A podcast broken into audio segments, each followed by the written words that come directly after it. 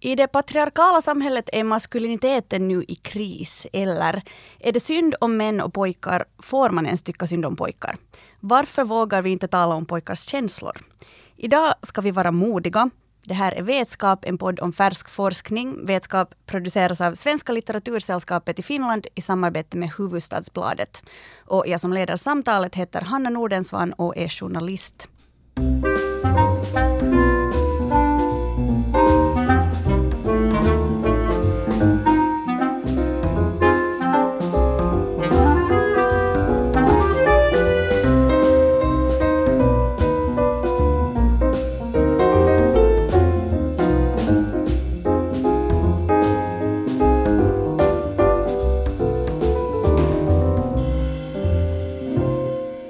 I det här avsnittet ska vi prata om pojkar och maskulinitet. Och två före detta pojkar, numera vuxna män, som också är forskare, är med idag. Jakob Lövgren som är folklorist och forskar på Åbo Akademi och vid Lunds universitet. Och så Harry Lunabba som är barn och ungdomsforskare från Svenska social och kommunalhögskolan vid Helsingfors universitet, där han också är universitetslektor i socialt arbete. Jakob, vi börjar med dig, för du är mitt i en forskningsprocess. Du håller på att samla in berättelser. Det kan man väl säga. Jag har haft ut en frågelista både i Sverige och i Finland vid SLS och vid Folklivsarkivet i Lund där jag helt öppet och kallt har frågat män om hur det var att växa upp. Detta har jag då gjort i, i syfte att komma åt känslan i det berättade som folklorist då så så är jag ju intresserad av det här av berättandet och berättelser. Och Harry, vad, vad forskar du just nu? No, min bakgrund är den att jag, jag brukar forska, forska barn och ungdom och det där gjorde tidigare min avhandling om, om pojkar i högstadieskolan och, och tittade där på, på hur man möter pojkar i skolvardagen. Det finns ju ett starkt intryck om att att skolan misslyckas med, med många pojkar och min avsikt var att se på hur det går till i praktiken och kanske få lite mer nyanserad bild av pojkars situation i skolan.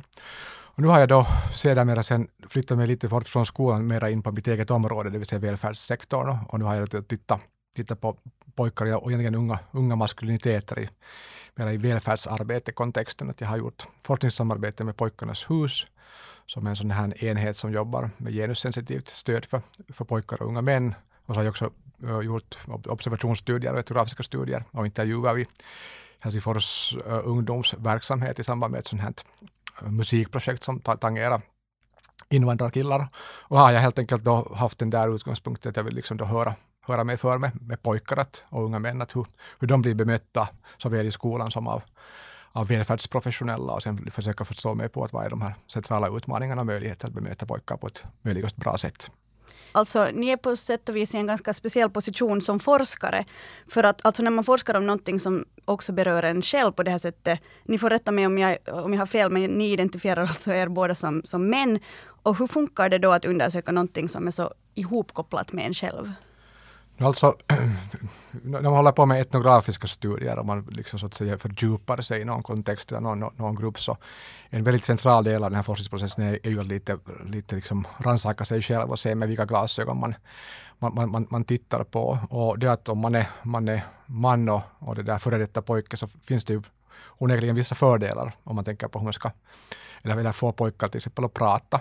Så det där, jag upplever själv att, att, att det var liksom ganska lätt för mig att, att, identifiera mig många av de pojkar som jag träffar och jag upplever att det, det, det är ganska bra att bygga upp ett förtroende och, och, och, och liksom man har vissa delade erfarenheter som man kan, man, man, man kan spela med.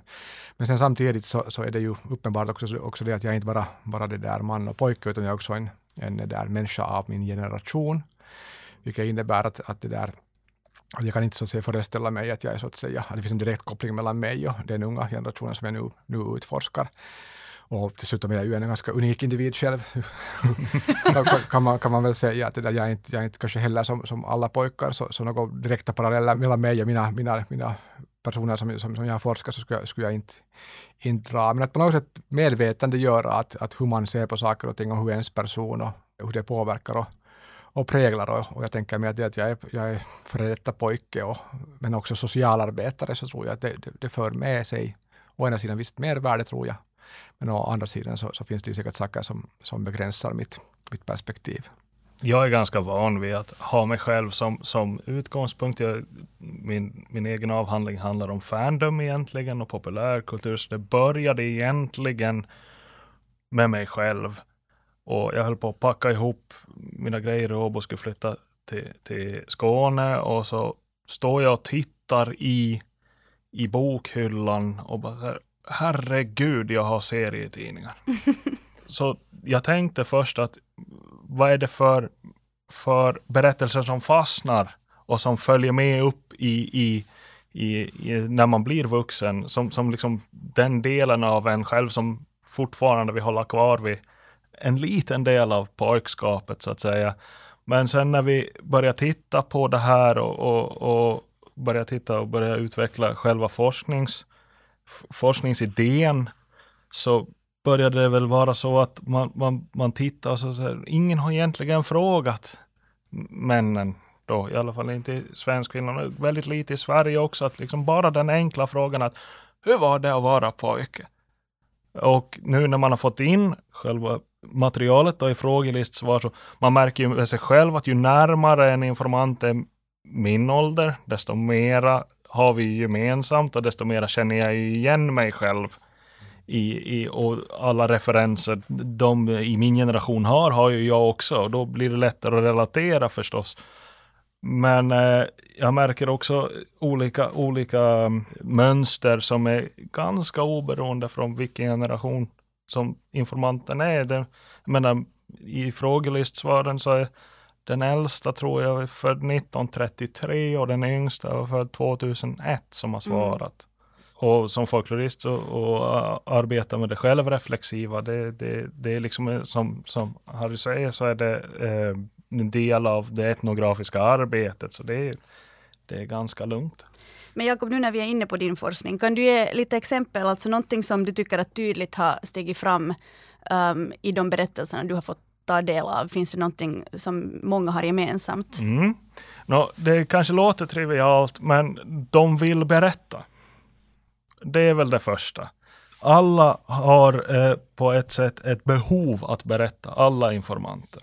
Eh, eftersom man har liksom tagit det här steget att faktiskt sätta sig ner med en lista, en frågelista då, och sen börja skriva. Så jag har ju fått svar på sådär 82 sidor, 54 sidor, sådana liksom Varsågod. Här. Då är det verkligen ingen som någonsin har frågat förut om man har så mycket att säga. Ja, och, det, och det är väl det första. Men det andra är också, det som jag håller på med nu då, är det här med hur egentligen vill du att jag ska uppfatta som läser ditt pojkskap och din barndom? Och när, liksom, när de i skriven form då berättar, så de berättar ju inte rakt ut. Jag kände så här, jag hade den här känslan, utan de håller på med det som eh, vi kallar för narrativ positionering och det, det jag tittar på då, att mina kompisar och jag, och så kommer det en berättelse, till exempel, eh, jag har en informant som pratar om att sitta på, på taket och, och röka sig någonstans i någon Stockholmsförort. Och hela liksom känslan av den här eh, berättelsen är, är det, det är jag och mina vänner, det är det han berättar om. En berättelse om tacksamhet gentemot de fyra kompisarna som han hängde med så, så att han slapp hänga med olika, eh, han nämner AFA, alltså antifascistisk aktion, Hells Angels, alla sådana här grupperingar som fanns då eh, där han växte upp. Och, och det är liksom ett sätt att använda karaktärerna i berättelsen för att berätta fram en känsla. Och det finns olika strategier för det här. Då. Olika materiella leksaker till exempel. Om man berättar om leksaker så eh, oavsett generation så är det en glädje som liksom kommer fram i det materiella. Och sen också det, den tredje strategin som jag, som jag håller på med nu är, är hur man kontextualiserar gentemot eh, samhället. Och där kan vi ju säga att ju, ju, ju yngre informanterna är, desto mera kommer det här moderna genustänket fram. och, och sexualiteten kommer in. Och någonstans där om du är född 80 och framåt. Mm. Så det är det jag håller på med, den här, den här känslan och hur man liksom bygger upp den här, förmedlar känslan. Och Harry, alltså nu när du lyssnar på det här som Jakob berättar, är det någonting du känner igen när du uh, pratar med lite yngre pojkar och tonåringar så här? Det här sättet de talar om sig själva, att man kanske inte säger att jag känner sig och så, utan att man sätter in sig i en så här berättande kontext. Ja, alltså egentligen det första jag reagerar på när jag lyssnar på det här, så alltså den här, det finns en ganska stark myt om att, om att det är på något sätt att, att pojkar och män har svårt att uttrycka sig och prata om saker och ting. Och just också det här med att prata om emotionellt tunga saker. Och det där jag skulle säga att, att den gemensamma erfarenheten bland oss forskare som har faktiskt tagit oss an och frågat pojkar om olika frågor, så jag tänker våra allas vittnesmål är det som också Jakob för fram här, att, att, att, att de talar väldigt gärna. Och det, där, och det som är erfarenheten för många pojkar som har visat sig i flera, flera studier är det att, det att, att pojkar upplever att, att, att det har funnits ganska få tillfällen där de har tillfrågats och att fått det här tillfället att faktiskt mm. prata om sig själva och, och, och, om sina liv. Så det där, och det är också alltså min erfarenhet. Att jag, jag hade också kanske själv en sån där tanke att, att jag måste kanske jobba ganska, ganska intensivt och noggrant så där metodologiskt för att bygga upp det här förtroendet för att sen intervjua. Men sen faktum var att, att, att de intervjuerna som jag förde så var i regel ganska, de var ganska bekväma och, och, och de, de, de tangerade väldigt många teman och jag upplevde att jag fick till stånd en diskussionskultur där vi kunde tala öppet om, om, om, om olika saker. Men att det här liksom att, att hur, hur pojkar talar om känslor och emotioner och sånt här. Liksom jag upplever inte att det fanns något väldigt så specifikt beträffande just hur pojkar talar om, om, om, om känslofrågor. Det som jag kanske upplevde som ganska framgångsrikt var det då när jag samtalade med pojkar i par och framförallt då när jag diskuterade med, med två pojkar som var vänner. Så jag upplevde att det här formatet var ett sådant sätt som vi kanske kom ganska djupt in på ganska känsliga teman just av den anledningen att den diskussionen kunde då handla om, om, liksom, liksom om fenomenet. Man behövde inte tala om sig själv. Och då också blev det inte, liksom mötet blev inte så intimt mm. mellan mig och den enskilda pojken, utan vi kunde så att säga diskutera till exempel jämställdhetsfrågor mer och sådär, liksom att, att vi talar om fenomenet, man behöver inte säga att okay, jag har upplevt det här. Om man tänker på den här nya generationens unga män, de, de pojkar som vi har pratat om, så det finns också den här andra myten på något sätt att ungdomslivet och ungdomar är på något sätt slutna och det finns massa mystik och, och, och liksom vuxna behöver anstränga sig för att veta vad som faktiskt pågår i ungas liv. Min erfarenhet är det att de är tvärtom jätteöppna och de talar om väldigt många saker. Och till exempel helt sådana här vardagssituationer. Jag vet att var till exempel i skolan så kunde teman vara, vara så det där, så känsliga eller så liksom, så det där, vad kan man säga, alltså prekära att, att, att, att, att när jag som vuxen lyssnar på vad, vad killar snackar om i, i åttonde klassen så var liksom mera nästan, nästan jag, jag led mer av deras öppenhet framom att det skulle uppleva att det skulle vara, vara, vara hemskt slut. Man talar så mycket om allt möjligt. Så, så det där, den här erfarenheten heten har jag nog. Ja. Ja, där, där, nu har jag ju eh, då skrivit material. Det är lite som att läsa någons dagboksanteckningar när man läser en frågelista. Och där är det ju mycket öppet. Det kommer, det kommer eh, fram, som sagt både, både glada men, men mycket, mycket sådana här saker som man inte har fått sig eller uttryckt, eller det vet jag ju inte om de har eller men de, när de uttrycker det till mig så, så kommer det berättelser om eh, ibland traumatiska händelser och det verkar inte vara något problem att skriva det. Och då, då, då säger du också att det är inte, i alla fall med de, de yngre generationerna nu, inget problem att tala om det heller. Den stora skillnaden som man märker är att eh, i Sverige har man en infrastruktur för män och pojkar att ha grupper och tala i och det finns en or takorganisation och det finns liksom undergrupper i varenda stad. Mm. Eh, organisationen tror jag heter MÄN. För jämställdhet mot ja, våld. Precis. Ja. Men män för så. Mm. Så, så vad heter det? Det finns det här ett stort, liksom en, en, en infrastruktur som åtminstone jag inte hittar no, i svensk Finland på samma sätt. Ja, och det här kanske för oss till en sån här liten insikt tycker jag om att det som är liksom maskulint så handlar kanske inte mycket om individen och individens benägenheter eller begränsningar utan snarare just om det kontextuella och samhället, att hur samhället är, står i beredskap att ta tag i sådana här saker och ting. Att, att att när väl män och pojkar får ett tillfälle att diskutera, och jag tänker att de här forskningsintervjuerna som vi båda då har varit med om, du, du i skriven form, jag, jag har intervjuat. Så det är ju alltså ett tillfälle som är på så tillvida kanske ganska unikt, att där man så att säga, det, det är för det första konfidentiellt och i fullt, fullt förtroende, och så kan man då helt enkelt metodiskt och systematiskt gå igenom vissa vissa frågeställningar som, som kanske inte normalt dyker upp i samtal. Och här finns ingen prestige, här finns ingen liksom sån den typen av maktdynamik som kanske finns i ganska många möten mellan, mellan män och varför inte mellan, mellan, mellan, män och kvinnor. Så jag tror att, att maskulinitet kan vara ganska mycket och män kan vara och pojkar kan vara en hel del, bara det bereds tillfälle till det. Och därför tror jag att fokusen i de här jämställdhetsfrågorna kanske borde vara mer på samhället och kontexten och kanske inte så mycket på individen. Men hur ser ni då på pojkar och, och sårbarhet? För då, nu låter det på er båda som att, att pojkar och män har haft väldigt lätt att ändå uttrycka sårbarhet. Men när man tittar på samhället i stort så känns det ju verkligen inte så. No, alltså, sårbarhet är faktiskt ett av de teman som jag liksom fokuserar på. Jag har en artikel på gång just nu som jag, jag faktiskt var under veckan presenterade den första gången för forskningsgemenskapen under, ett, under en internationell konferens i Münster. Och det här med liksom sårbarhet, så jag, tror att, jag tror att det är ganska ett intressant tema framförallt med tanke på maskulinitet. Jag upplever det analytiskt väldigt intressant att sammankoppla de här två. Alltså, att, okay, vad innebär sårbarhet i kontexten maskuliniteter? Jag har tittat på det här med sårbarhet ur tre perspektiv. Och det första perspektivet tittar här på liksom, liksom sårbarhet som ett strukturellt faktum för vissa män. Och då tänker vi oss att samhället är så här allmänt taget så har vi en uppfattning att samhället är patriarkalt och det finns mycket privilegier för män. Men sen samtidigt tror jag att vi glömmer ganska ofta bort att även om män har så att säga vissa privilegier så innebär man en sån här intersektionell helhet som man säger, det vill säga att vara man så korsar med att vara mycket annat. Och till exempel i mitt material så förekommer det pojkar som, som inte bara, bara maskuliniteter utan de är också invandrare. Och det var väldigt intressant hur en invandrarpojke beskrev åt mig att det där att han har, intressant att kalla, kalla honom för invandrare, för han är född i Finland och det som han sa att, att han upplever att han är född i Finland, han är precis lika fin, mycket finländare som alla andra. Och han beskrev också att när han växte upp och var i skolan så han upplevde väldigt sällan att det var någonting konstigt med honom.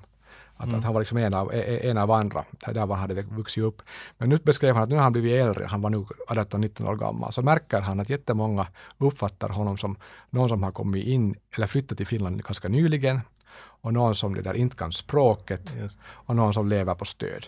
Och det här, liksom, det här, det här, det här sättet hur liksom, i, alltså i hans maskulina verklighet så innebar det att vara man och invandrare och, och den ena så att säga positioneringen innebär att han försätts i ganska sårbar position. Men jag har också en annan kille som var liksom framförallt framgångsrik i det sammanhanget jag träffade honom. Att han, han, det där, han var en av de här jag var i en sån här musikverkstad där man gjorde rapmusik. Och den här killen var, sån han var lite på 20 år gammal, lite av de, av de äldre killarna i det här sammanhanget. Och han var väldigt sådär cool kille liksom på alla sätt och vis sådär liksom verbalt väldigt begåvad, han var väldigt bra, bra på rapmusik och överhuvudtaget var så respekterad i, i, i den här gruppen. Men sen när jag diskuterade med honom och, och lärde känna honom så lärde jag vissa som nyanser av hans liv och ett faktum var det att han har barnskyddsbakgrund. Jag fick det aldrig helt bekräftat men jag fick det intrycket att han har, han har bott på barnhem tidigare, har inte riktigt en relation till sina föräldrar. Han hade någon, någon moster eller faster som hjälpte, hjälpte honom finansiellt. Vi talar ganska mycket om socialt arbete, hans erfarenheter om att, om, om, om att besöka socialkontor. Jag, jag har själv jobbat på socialkontor så det var ett tema som vi, som vi tangerade. Han hade saknat utbildning helt och hållet och var för tillfället arbetslös. Så i hans fall så innebar det här sorb, strukturella sårbarheten att jo, visserligen var han, var, han, var han man och hade vissa privilegier i vissa givna sammanhang. Men samtidigt så, så är han en grupp som man framförallt misstänkliggör i samhället, alltså vita, outbildade, outbildade män. Och så också drar man ganska starka paralleller att, att den här vita killen skulle vara just den främsta motståndaren till den här invandrarkillen. Vilket de facto ja. inte överhuvudtaget stämde. De, de, var, de, var liksom, liksom, de hade väldigt mycket gemensamt med varandra och, och det var också en så int, int, intressant intersektion. Så fast det finns hegemonisk maskulinitet, fast det finns patriarkala strukturer så innebär det att det finns också maskuliniteter som har det ganska svårt i, i, det, i det nuvarande samhället. Och, och historiskt också förstås. Eh, om jag får ja, haka, haka på här så, så den, den, den, intersektionen som, som kommer upp i mitt material är det klass. Mm. Och då har jag till exempel en, en, en äldre herreman som, som har varit krigsbarn i, i, i, i Sverige och eh, då kommer från Helsingfors, upplever sig själv som, som en del av, av någon slags upplevd övre klass mm. i, i, i Finland kommer bli förflyttad eh, till Sverige ut på landet och sen kommer tillbaka efter kriget. Och då, då, blir det, då blir det liksom en klasskamp i honom. Så det är där sårbarheten är. Han har vuxit upp liksom i två ja. klasser. Så den strategin som var framgångsrik på landsbygden kanske funkar inte i stan? Nej, exakt. Ja. Och, och det, där, det där är precis som den här den vita, vita heterosexuella arbetarklassen eller outbildad eller den här, den här jag, jag drar mig från att använda den där eh, toxiska mm. toxiska maskulinitet eller hypermaskulina tanken ja. som man, man, man liksom tillskriver, som du säger, den här eh, ena informanten så, som, som du har, man, man förväntar sig liksom att han ska vara diametralt olika från den här eh, andra, då, inom citationstecken invandrarkillen, att sätta in folk i fack. Liksom. Ja. Det är, och det är just det som man kallar för sådana kategoriska generaliseringar ja. och sådana könskonstruktioner som också kan drabba män och pojkar i, i, i, i, i viss utsträckning. Och sen tror jag att det här sättet hur vi så att säga förstår mäns sårbarhet, så jag tror att vi talar om män och pojkar ofta som risker. Mm. Och, och de borde på något sätt hanteras men jag tror att vi skulle vara ganska mycket mer framgångsrika. Kanske mycket, samhället skulle också vara mycket mer ödmjukt om vi skulle förstå dem som sårbara. För sårbarhet alltså innebär ju, liksom, tycker jag, någon form av aktörskap. Att man, man är så att mm. säga mottaglig för någonting. Man är, man är inte bara i behov av kontroll utan kanske, kanske just hjälp. Om vi till exempel tänker på hur vi ska hantera invandring eller hur vi ska hantera arbetslöshet så har, så har ju den här politiken på senare år varit liksom att, att, liksom att förespråka kontroll och, och liksom man, ska, man, ska, man ska genomgå alla möjliga sådana här granskningar. Mm. Men sen funderar vi att, att, att vad, hurdan hjälp finns det på riktigt för liksom, män som måste omorganisera sin hela identitet för att passa in i det moderna samhället, till exempel efter att man har bott på landsbygden på en ort där det funnits en fabrik som har gått omkull och så måste man så att säga omskola sig. Så vilken typ av stöd och hjälp finns det för det här liksom bearbetningen av jaget i, så, i sådana sammanhang. Att vi har egentligen bara talat om aktivering och, och flitfällor och, och den här typen som liksom antyder just om att de är på något sätt liksom de borde just kontrolleras och kanske inte, kanske inte tänker att, att de, de, de är för de, de är sårbara. Och sen samtidigt så finns det ju också in bland män det här att om man nu talar om män som sårbara så är det så att ja, nu ska vi nu tycka synd om alla män. liksom att, att, att liksom, bara, bara det att man så att säga framställer den här typen av annan diskurs så kan ju också ja. väcka, väcka ett ganska intressant motstånd. I Finland så talar vi ganska mycket nu om att pojkar på något sätt som grupp håller på att liksom sacka efter. Flickorna kommer inte in på skolor, det finns inte lika mycket pojkar på universiteten mera. Det här är ju ändå liksom ett faktum, så hur ja. har vi då hamnat här?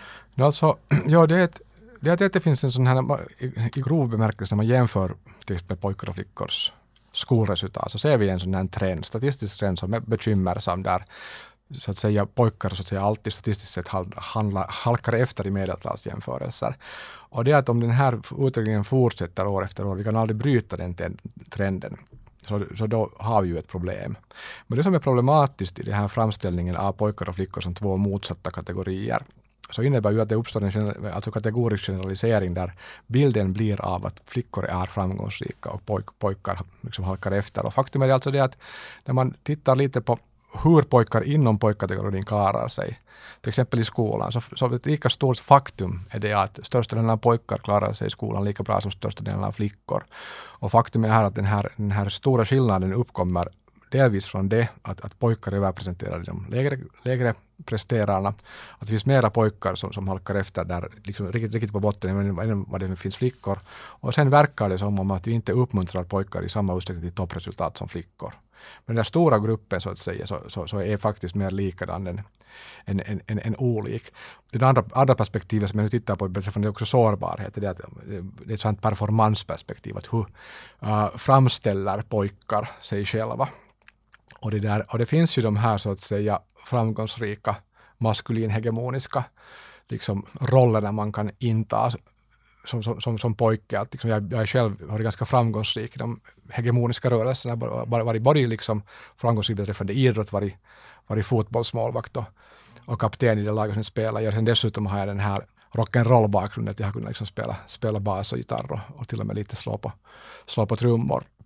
Men, att det där, men det finns då samtidigt en annan typ av pojkar som jag också kom, kom i kontakt med under den här fältstudien som jag gjorde, att, att till exempel på Pojkarnas hus så, så det där, finns där, de, de liksom erbjuder hjälp till pojkar som så att säga inte passar in någon annanstans. Och då innebär det här praktiskt taget, så en grupp som söker sig dit är, pojkar som till exempel då funderar på sin könsidentitet och den typen av frågor. Och, och, det där, och ett faktum är det att den här typen av utrymme var man kan fundera, ha den här typen av funderingar tillsammans med andra likadan, så finns det inte kanske hemskt mycket, utan det finns uppenbart en beställning för det. Men sen en annan grupp, eh, en grupp som jag tycker det är, jätte, det är jättesvårt att beskriva den där gruppen. Och det där, jag har använt ett engelskt begrepp som jag kallar för peculiar masculinities. Jag vet inte vad skulle vara ett bra, bra svensk motsvarighet som skulle beskriva alltså pojkar som är lite speciella och unika. Här talar jag om pojkar som så att säga kanske inte, till skillnad från de här rappojkarna som jag talar som klädde sig stiligt och, och var liksom framgångsrika verbalt. Så här handlar det om, om, om killar som kanske inte klär sig så coolt eller kanske inte, inte, inte liksom säger de rätta sakerna och, och, och kanske är lite klumpiga och kanske har lite intressanta intressen som sådana här, sån här manga och, och, och rollspelsintressen och kanske ett, ett sådant, sådant datorintresse som jag har jättesvårt att identifiera mig med. Och intressant med den här gruppen alltså är den att den är genomgående maskulin. Att när jag beskriver deras egenskaper så tror jag att, utan att nämna könet, så tror jag att alla skulle, skulle uppfatta dem som pojkar. Mm. Men fast de är pojkar och maskulina så innebär det att de här pojkarna är inte hegemoniska. De, de, de, de har en ganska, ganska, ganska svag sits. Och det som kommer sen, eh, jag tar ännu mitt tredje perspektiv, jag tittar sen på sårbarhet, sårbarhet som relationer. Så det som kännetecknar den här, den här pojkgruppen är den att, att de så att säga är sårbara på grund av det sättet de bär sin pojkdom. Den här performan, pojkperformansen är pekuliära. På pojken är inte det där så att säga framgångsrikt beträffande social status. Och konsekvensen av det här är ofta det att de är ensamma. Och faktum alltså är att jag tror att vi har en ganska stor utmaning med pojkar som, som det där skulle behöva ganska mycket hjälp med att skapa och upprätthålla sociala relationer, delvis för att det finns en, en det där det finns ett underskott av utrymmen där pekuliära pojkar kan umgås och träffas och, och man blir ganska, ganska lätt utfrysen. Och sen deras, liksom, den här gruppen, många av dem hade liksom också individuella svårigheter att föra samtal. Mm. Men uppenbart så är tanken alltså här att, att de här skulle behöva hjälp i sina relationer till, till andra. Delvis att, att hitta gemenskaper men sen, sen samtidigt att, att kanske liksom, jag vet inte, hitta bemästringsstrategier för att vara, vara socialt kompetenta. Och sen den kanske tredje aspekten som kom fram när jag snackade med, de här, med den här pekuliära gruppen pojkar, den där stora sorgen som många av dem kände för att de aldrig kommer att kunna etablera alltså sådana här romantiska eller intima relationer. Alltså en övertygelse om att, att ingen vill ju ha mig när jag är sån här pojke. Ja. No, så men ändå, om, om du har varit där på den där ena sidan hegemonin så är jag ju då uppvuxen som pekuliär. Eh, jag har ju nog hållit på med, med alla de där Warhammer och, och dataspel och sådär. Så för alla eh, pekuliära pojkar där ute så kan jag väl bara säga att det ordnar sig nog. eh, det, är inget, det, det går nog bra.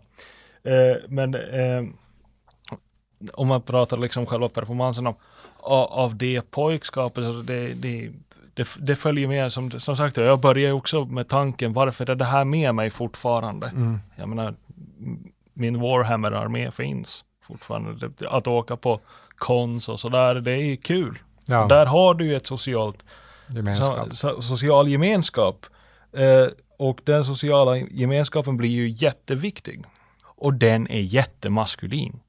Alltså jag kommer ihåg, jag var på själv på, någon, på en, en, en, turnering i Åbo och där är, eh, och det var i samband med att jag höll på att skriva den här forskningsplanen och så kom jag in och det är kanske 200 män.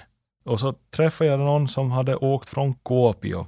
Han hade packat ihop alla sina liksom plastråttor då, för det var Skaven, för alla som är involverade i Warhammer. Shoutout. Eh, så vad heter det? Så han hade alltså, han var familjefar och hade liksom, han berättade att han hade en, en eh, helg ledig. Och vad gör han då? Jo, han packar ner en del av sitt pojkskap. Alla hans liksom leksaker. Och kör igenom halva landet för att stå i ett socialt sammanhang där det här är okej okay fortfarande. Eller okej, okay, det är okej okay att spela Warhammer. Så. Men, men där, där han liksom känner igen sig. Eller där, där, vi, där jag känner igen mig. Det är ett forum av många ja. forum. Och min poäng närmast det här, just det att, att vi borde inse att den här så att säga finns. Och när vi till exempel talar om den typiska patriarkala mannen och det, det uppstår en sån bild av att det är en blandning mellan David Beckham och Alexander Stubb och kanske, kanske Juha Sipilä. Hjälp! Oj, nej. Ja, så, det där, så det finns så mycket mera maskuliniteten än det här. Och, och, det där och för mig var det den här, att, att träffa den här gruppen som jag så att säga inte själv kan direkt identifiera mig så, så, så, så liksom var ett uttryck för hur nyanserat det här med maskulinitet kan vara. Och den här kombinationen med att, att det finns vissa, vissa nivåer av maskulinitet som är jätte, jättemaskulina. Men jag skulle inte kanske sammankoppla dem med hegemoni alla gånger. Mm, nu har vi ju konstaterat att pojkar verkligen inte är en homogen massa också. Men ändå så tycker jag att vi klumpar ju ofta ihop män och pojkar till en ganska liksom, så här aggressiv grupp.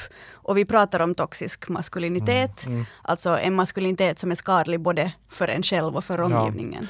Ja. Jag kan kanske inleda med att alltså jag tycker att de där begreppen alltså är problematiska.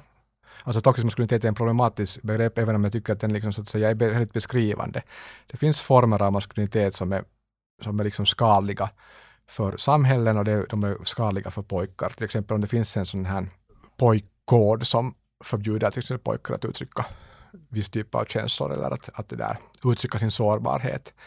Eller, eller det, finns, det finns koder som förhindrar män att ta liksom pappaledighet eller Mm. Eller, eller, eller det, finns, det finns maskulinitet som så att säga idealiserar våld som, som, som, ett, som ett alternativ. Och det som jag tycker själv att när jag är så att, så att säga feministiskt orienterad forskare, så det som jag tycker att är viktigt i mitt arbete är det att, att, att, att göra feminismen och jämställdhetsarbete inkluderande. Det ska liksom så att säga vara tillåtande och, och, och trygg. Och då tänker jag att, att viss begreppsanvändning, till exempel toxisk maskulinitet, så, så upplever jag att är frånstötande på ett sätt som kanske inte inte alltid så att säga konstruktivt. Så därför tänker jag att kanske den här sårbarhetsdiskursen, att, de så att, mm. att istället för att vi skulle då, då liksom ha en sån här konkurrerande liksom, eh, struktur i vårt sätt att prata, att, att män konkurrerar, konkurrerar mot kvinnor, så kanske vi borde föra in ett sätt att, att framställa män som mänskliga i sin sårbarhet det som jag, när vi pratar om den toxiska maskuliniteten, det är bra att vi, vi, vi definierar vad vi menar för att det, det där, liksom, begreppet toxisk maskulinitet har också liksom farit iväg och blivit populärt och liksom eh, snurrar i, i mina informanters eh, eh, tankar och har blivit medial och uppblåst på ett sätt som kanske själva den psykologiska termen då från början inte eh, menad att användas liksom till och jag vet ju, om man tittar i de, de informansvar som jag, som jag har, eh, som, som handlar om det som samhället direkt skulle definiera som ett uttryck för en toxisk maskulinitet. Här är folk som slåss mm. och liksom knivar varandra. Och sådana här riktiga, vad som skulle vara toxiska. Så, så det som jag tycker är intressant är att när de, de informanterna, när de berättar åt mig, så det är ju inte, det är ju aldrig en själv som är toxisk. Utan det är alltid någon annan. Så som, som, som, som en eh, strategi i berättandet så är det där toxiska är ju bara ett sätt att göra en annan. Skapa ett monster egentligen. Samma sak som vi skapar andra monster. Så är det där.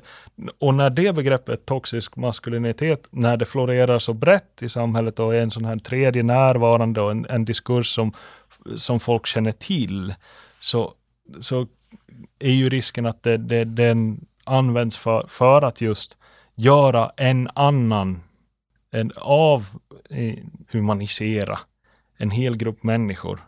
Och eh, det ser man i svaren där att män, igen oavsett generation, måste nu förhålla sig till det här, förklara för mig att, att jag var nu inte sån. Det finns vissa andra saker som, som, som eh, informanterna förklarar. Är de från Finland så är det en annan sån där, nej, just det här med skolan. Mm. Alla finska informanter berättar åt mig att de har bra betyg. Varför det? Ingen av de svenska informanterna gör det. För att i det finska samhället så har du den här eh, det, nu finns det ju liksom själva diskursen i Sverige också att pojkarna är dåliga i skolan. Det går åt skogen helt enkelt. Det, och, och, och när, när männen sen berättar så måste de hela tiden berätta sig själva Ja, och, och på det här sättet definierar de att de inte är som de där typiska pojkarna. Ja, da, Det exakt. där är ju väldigt intressant. Och, men samtidigt, nu måste jag ändå vara lite djävulens advokat här. För att alltså samtidigt så ser vi ju män och pojkar absolut överrepresenterade i all statistik som handlar om våld och de flesta liksom sexualbrott. Hur har vi ändå inte liksom kommit vidare från det? Alltså, för att det där problemet är jätte, jättesvårt och det är jätte, och jätte, som bland annat metoo-rörelsen visade. Men det som jag tror att är ganska, äh, ganska uppenbart är det att, att liksom frånstötande diskurs som alltså, alltså då demoniserar en stor grupp människor som Jakob var inne på, så kommer troligen inte att vara hemskt framgångsrik.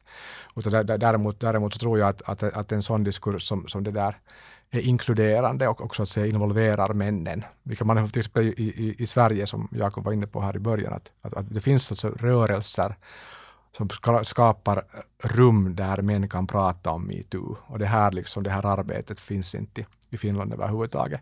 Så därför tänker jag nog själv att, att det här liksom, istället för att tala till exempel om, om toxisk maskulinitet, så tycker jag att den hegemoniska maskuliniteten är ganska mycket bättre. Den är lite mer krävande. Och, det där, och den, den kan inte heller missförstås, för om man inte förstår begreppet hegemoni så, så då, då liksom förstår man inte vad man talar om. Men att alla, alla kan på något sätt liksom förhålla sig till gift.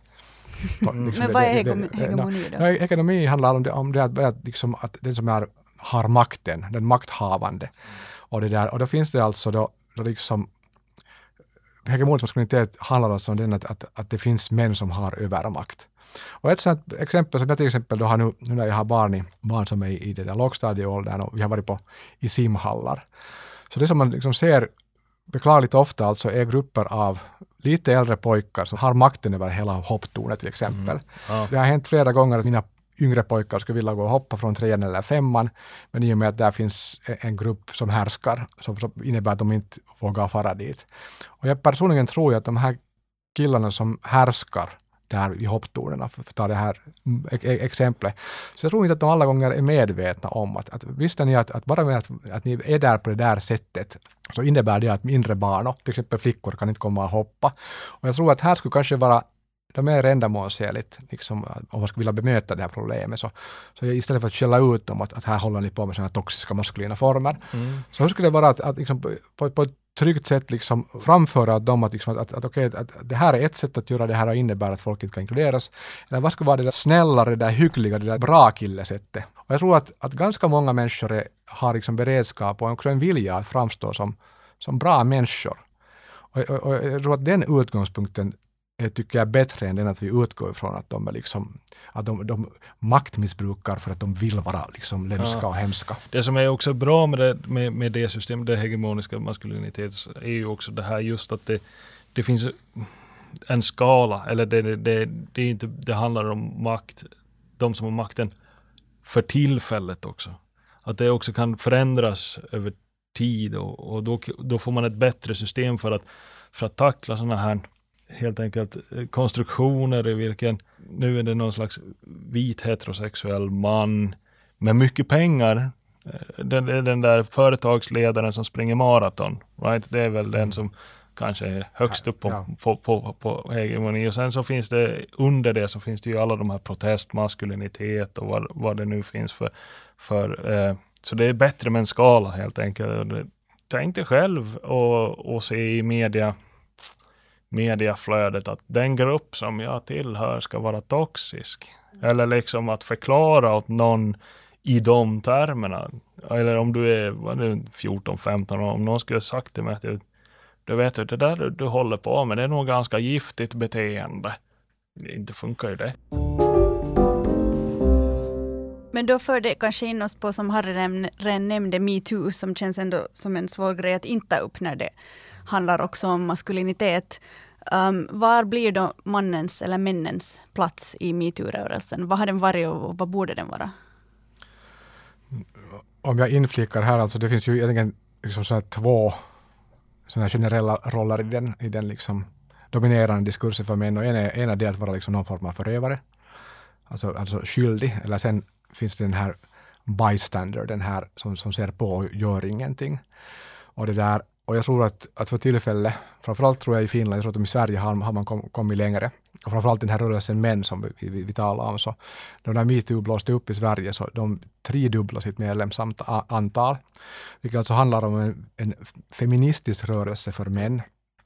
Och då liksom tolkar de här mänrörelsen att det här var liksom ett sätt för män att uttrycka att de, är, de står solidariskt bakom liksom metoo-rörelsen. Och jag tror att sådana här, liksom, här liksom utrymmen finns kanske inte hemskt ofta i, i, den, i den mediala debatten för, för, för män. Att antingen så att säga vill man, vill man positionera som någon som, någon som försvarar förgörarna eller sen man så att säga får göra det själv och förblindat att inse det. Metoo får det liksom visa, tycker jag, alltså två ganska, ganska fruktansvärda saker. Och, alltså, e, e, en, en är det att hur brett det förekommer, alltså den här typen av maktmissbruk och, och, och det där övergrepp, att hur brett det förekommer. Och, och, och till exempel tänker själv på alla kollegor och vänner som har liksom varit med i de med brister sammanhang av det där. Och, och det vittnesmålet som alltså kommer därifrån är det att det är jättemånga som har drabbats. Mm. Och det är liksom mera än, fast jag är genusforskare, så mera än jag faktiskt in, insåg. Och sen den andra sidan är det att, vilket jag tycker också, också ytterst sorgligt, att, att de här övergreppen som sen, sen, sen har liksom skett så mycket av det är faktiskt väldigt hemska saker. Alltså om man tänker på Arnie Weinstein-historien, så den är ju så fruktansvärd som något, något, något, något bara kan vara. Men också de små berättelserna där det, där det finns liksom övergrepp som skett inom familjen och alla, både mammor och pappor och farbröder och morbröder, alla har tigit mm. om, om det här. Så det faktiskt handlar om en handlar om en väldigt svår sak. Och där tror jag, när det handlar om så här svåra saker, så där tror jag, tror jag att, att, för att det här ska så att säga ventileras och, och, och vi ska kunna bearbeta det här, så, så kräver det en ganska stor trygghet.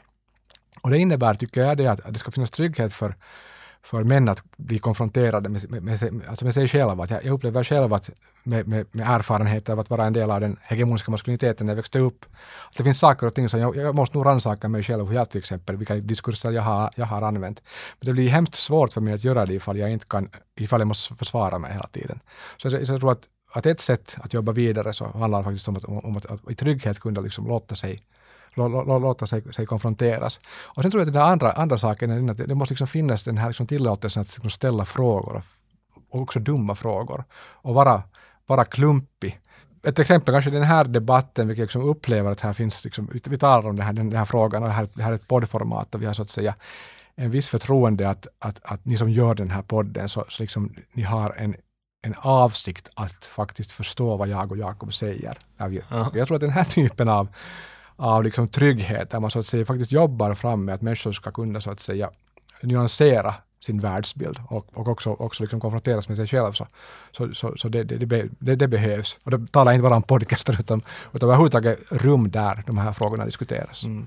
Jag ska också flika in där att det, det finns ju en, en, en tredje grupp, en, en tredje diskurs som kommer om vi återgår till, till hashtag metoo. Så är ju det som kommer upp som, som också är um, mans, ett, ett performativt verktyg på Twitter är den där hashtag inte alla män. Mm. mm. Eh, som, som, som också igen visar hur fort det går för, för eh, att ställa sig i försvarspositioner.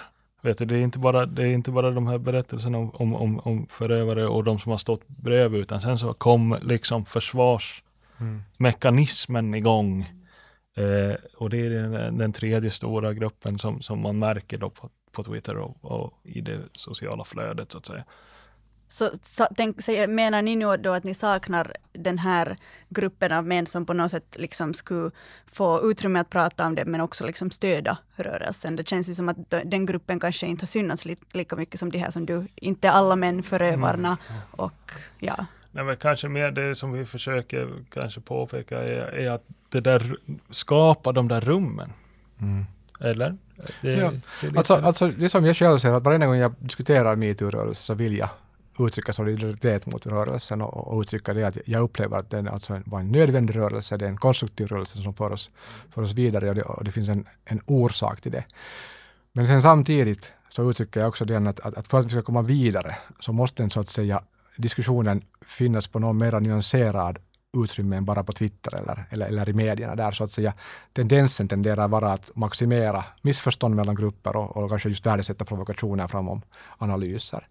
Och det här arbetet alltså, så det där är på gång och jag hoppas själv att jag liksom är med och jobbar fram de här utrymmena. Alltså delvis det att jag diskuterar sådana saker i sådana offentliga rum som en, som, en, som en podcast, men också engagerar mig i det mansarbetet där det, det här liksom, diskussionen förs. Och nu tänker jag inte, och jag tycker inte att vi män kan så att säga vänta att någon kommer att ordna det här åt oss, att några kvinnor skulle sätta upp en någon, någon grupp. Jag tror att det är faktiskt vi män som måste liksom i, som, som kollektiv måste ta tag i den här saken och liksom göra det så att säga i solidaritet för metoo och de drabbade och i solidaritet för, för, för kvinnor och andra minoriteter, men också i solidaritet mot män. Mm, mot varandra. Ja. Då vill jag, det här var ju fint för att nu vill jag ta in ett lite positivare spår här annars också. Vi pratar ganska ofta om att maskuliniteten är i någon sorts kris och det kanske var också någonting som grundar sig i metoo-rörelsen. Men tycker ni, eller kan vi prata om att maskuliniteten är i förändring och är det en bra sak? Jag skulle vilja säga så här, maskuliniteten är väl alltid ständig för, förändring över, på, på historiskt plan, alltid. Och jag tror den också alltid har varit lite i kris.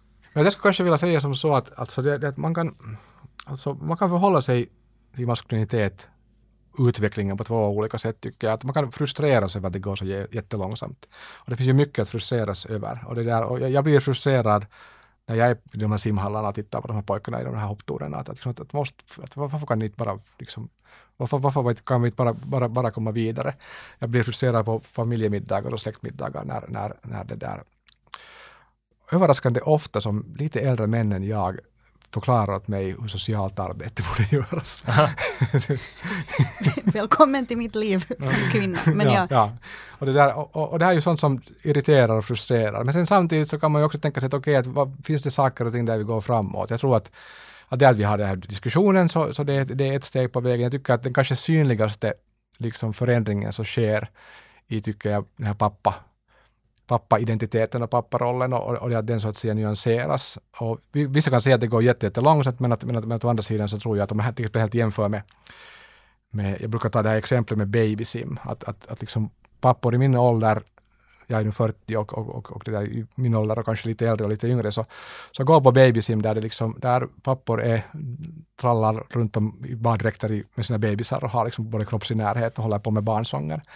Och, och, när jag tänker på att min, min pappa skulle ha gjort det här med mig, så det, jag börjar ju nästan skratta. Det skulle kännas så fel att en sån där gubbe skulle ha hållit på på det här sättet. Men, men, men nu har det så att säga blivit mer eller mindre naturligt. Och sen kanske den här tredje, den här, liksom, den här räckvidden av olika typer av manliga performanser som vi också har gett uttryck för här. Att man kan så att säga Alltså när jag var ung så man skulle nog se bra ut men man fick inte stå framför spegeln hemskt länge. Att det, skulle, liksom, det, skulle, det skulle ske så ganska, ganska fort. Och nu så, det finns grooming och accessoarer för män, vilket tycker jag att handlar om det att man kan så att säga värna om sin kropp på ett, på, på ett, på ett, på ett, på ett, på ett sätt och ta hand om sin, sin hälsa. Så det finns ju nog saker och ting som går så att säga framåt. Men att absolut så kan inte, tycker jag, männen bli att ligga på lagren precis lika lite som människorna kan beträffande miljöhotet bara vänta och se att, att, att, att, att hur det här slutar. Jag tror att det behövs liksom aktiv engagemang och aktörskap mm. att, att faktiskt göra någonting. Och sen, sen behövs det ju förstås mera forskning. Säger vi ju båda. Det, nej, men det, det, är sånt som det, det, ska få ta... Forskning tar tid. Det, det, så är det ju. Alltså de här grupperna som, som, som, som, som nu uppfattas som toxiska eller, eller sociala sammanhang där män träffas. Jag brukar säga det som folklorist att det, det, det är ganska svårt i, i, i forskningssammanhang att, att få pengar för att eh, eller få tid för att studera majoritetsbefolkning och det som är lite småtråkigt. Vem vill egentligen höra om, om vita heterosexuella män i mm. 60-årsåldern och deras tankar? Får de inte plats ändå? Liksom? Den diskussionen inom själva skrået. Och så, så ge oss lite tid eh, och ge oss möjligheter att, att bygga och eh, undersöka olika maskuliniteter och olika, både, både liksom över spektrum men, men, men olika grupperingar. Och då kan man ju säga att så nu för tiden, det är ju inte, eller nu för tiden, det kanske aldrig har varit rätt att bara prata äh, kvinna, man, pojke, flicka. Det är ju ett väldigt brett spektrum. Så vad skulle ni då säga att det faktum att, att icke-binära och att det här spektrumet av kön får mer utrymme idag, vad betyder det för pojkar? Har det en, en positiv effekt på pojkar? Alltså, så tänker jag nog. Det har ju funnits en sån där diskurs där man tänker att det, att, det att det icke-binära och det homosexuella kommer in så att säga i, i, i samhället så det skulle vara förvirrande. Men att, att min uppfattning är nog ganska långt att det är liksom, så att säga förtryggande. Och orsaken varför jag tror att så jättemånga av min generation identifierar sig till med Pride-rörelsen, även om de själva inte identifierar sig med att vara en, en, minoritet.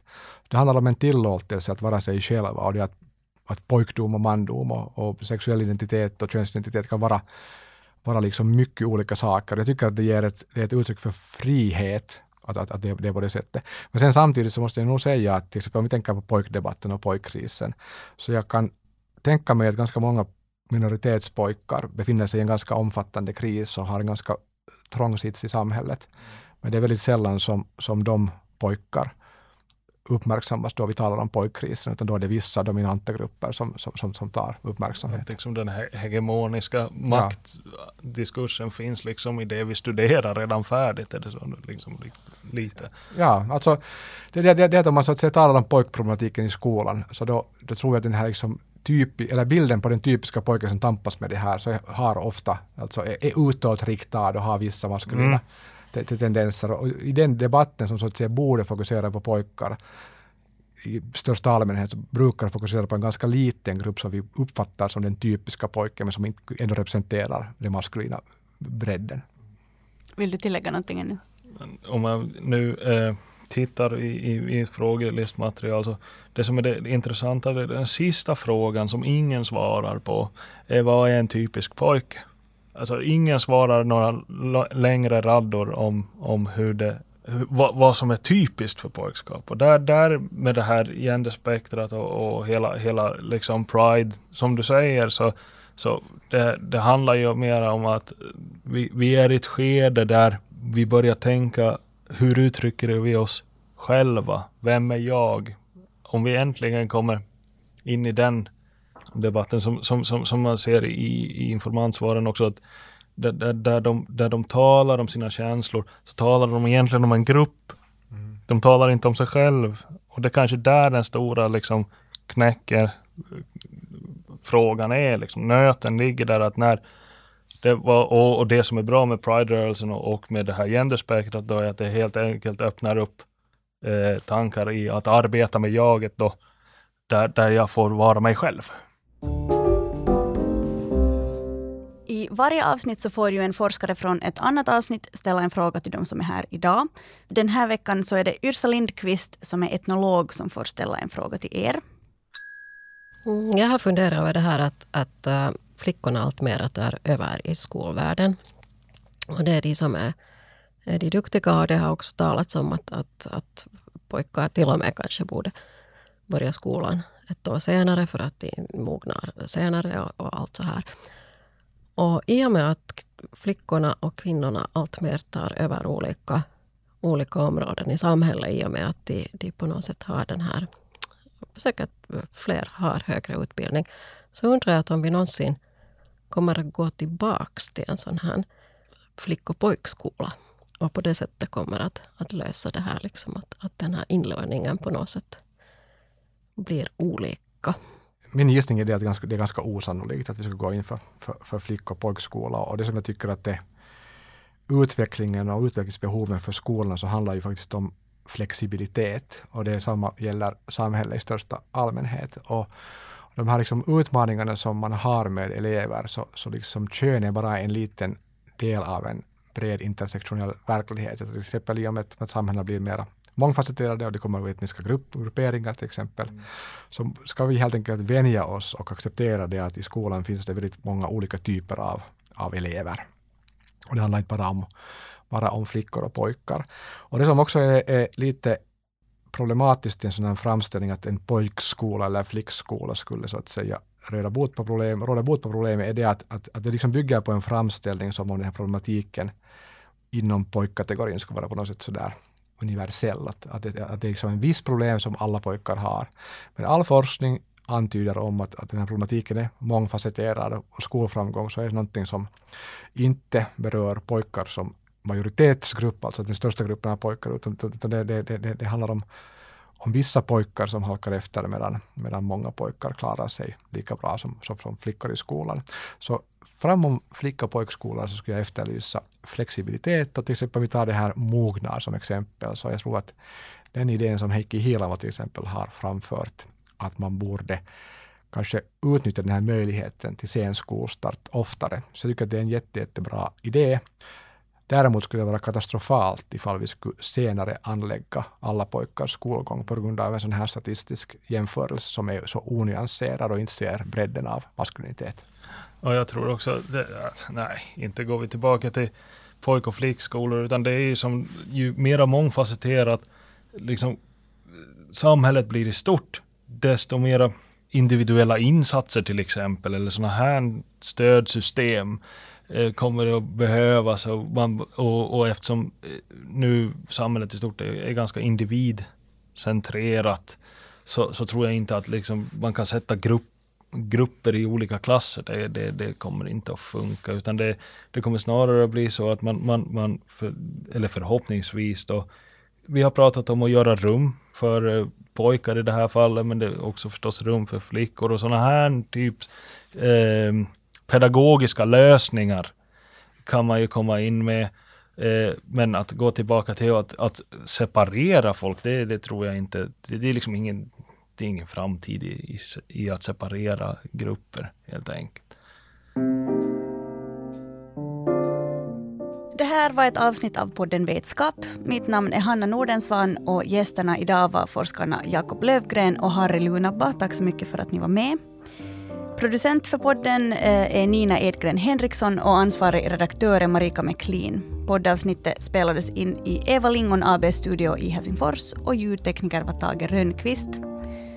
Vetskap produceras av Svenska litteratursällskapet som är en av de stora forskningsfinansiärerna inom humaniora och samhällsvetenskaper i Finland och av Hufvudstadsbladet som är Finlands största dagstidning på svenska. Tack för din uppmärksamhet.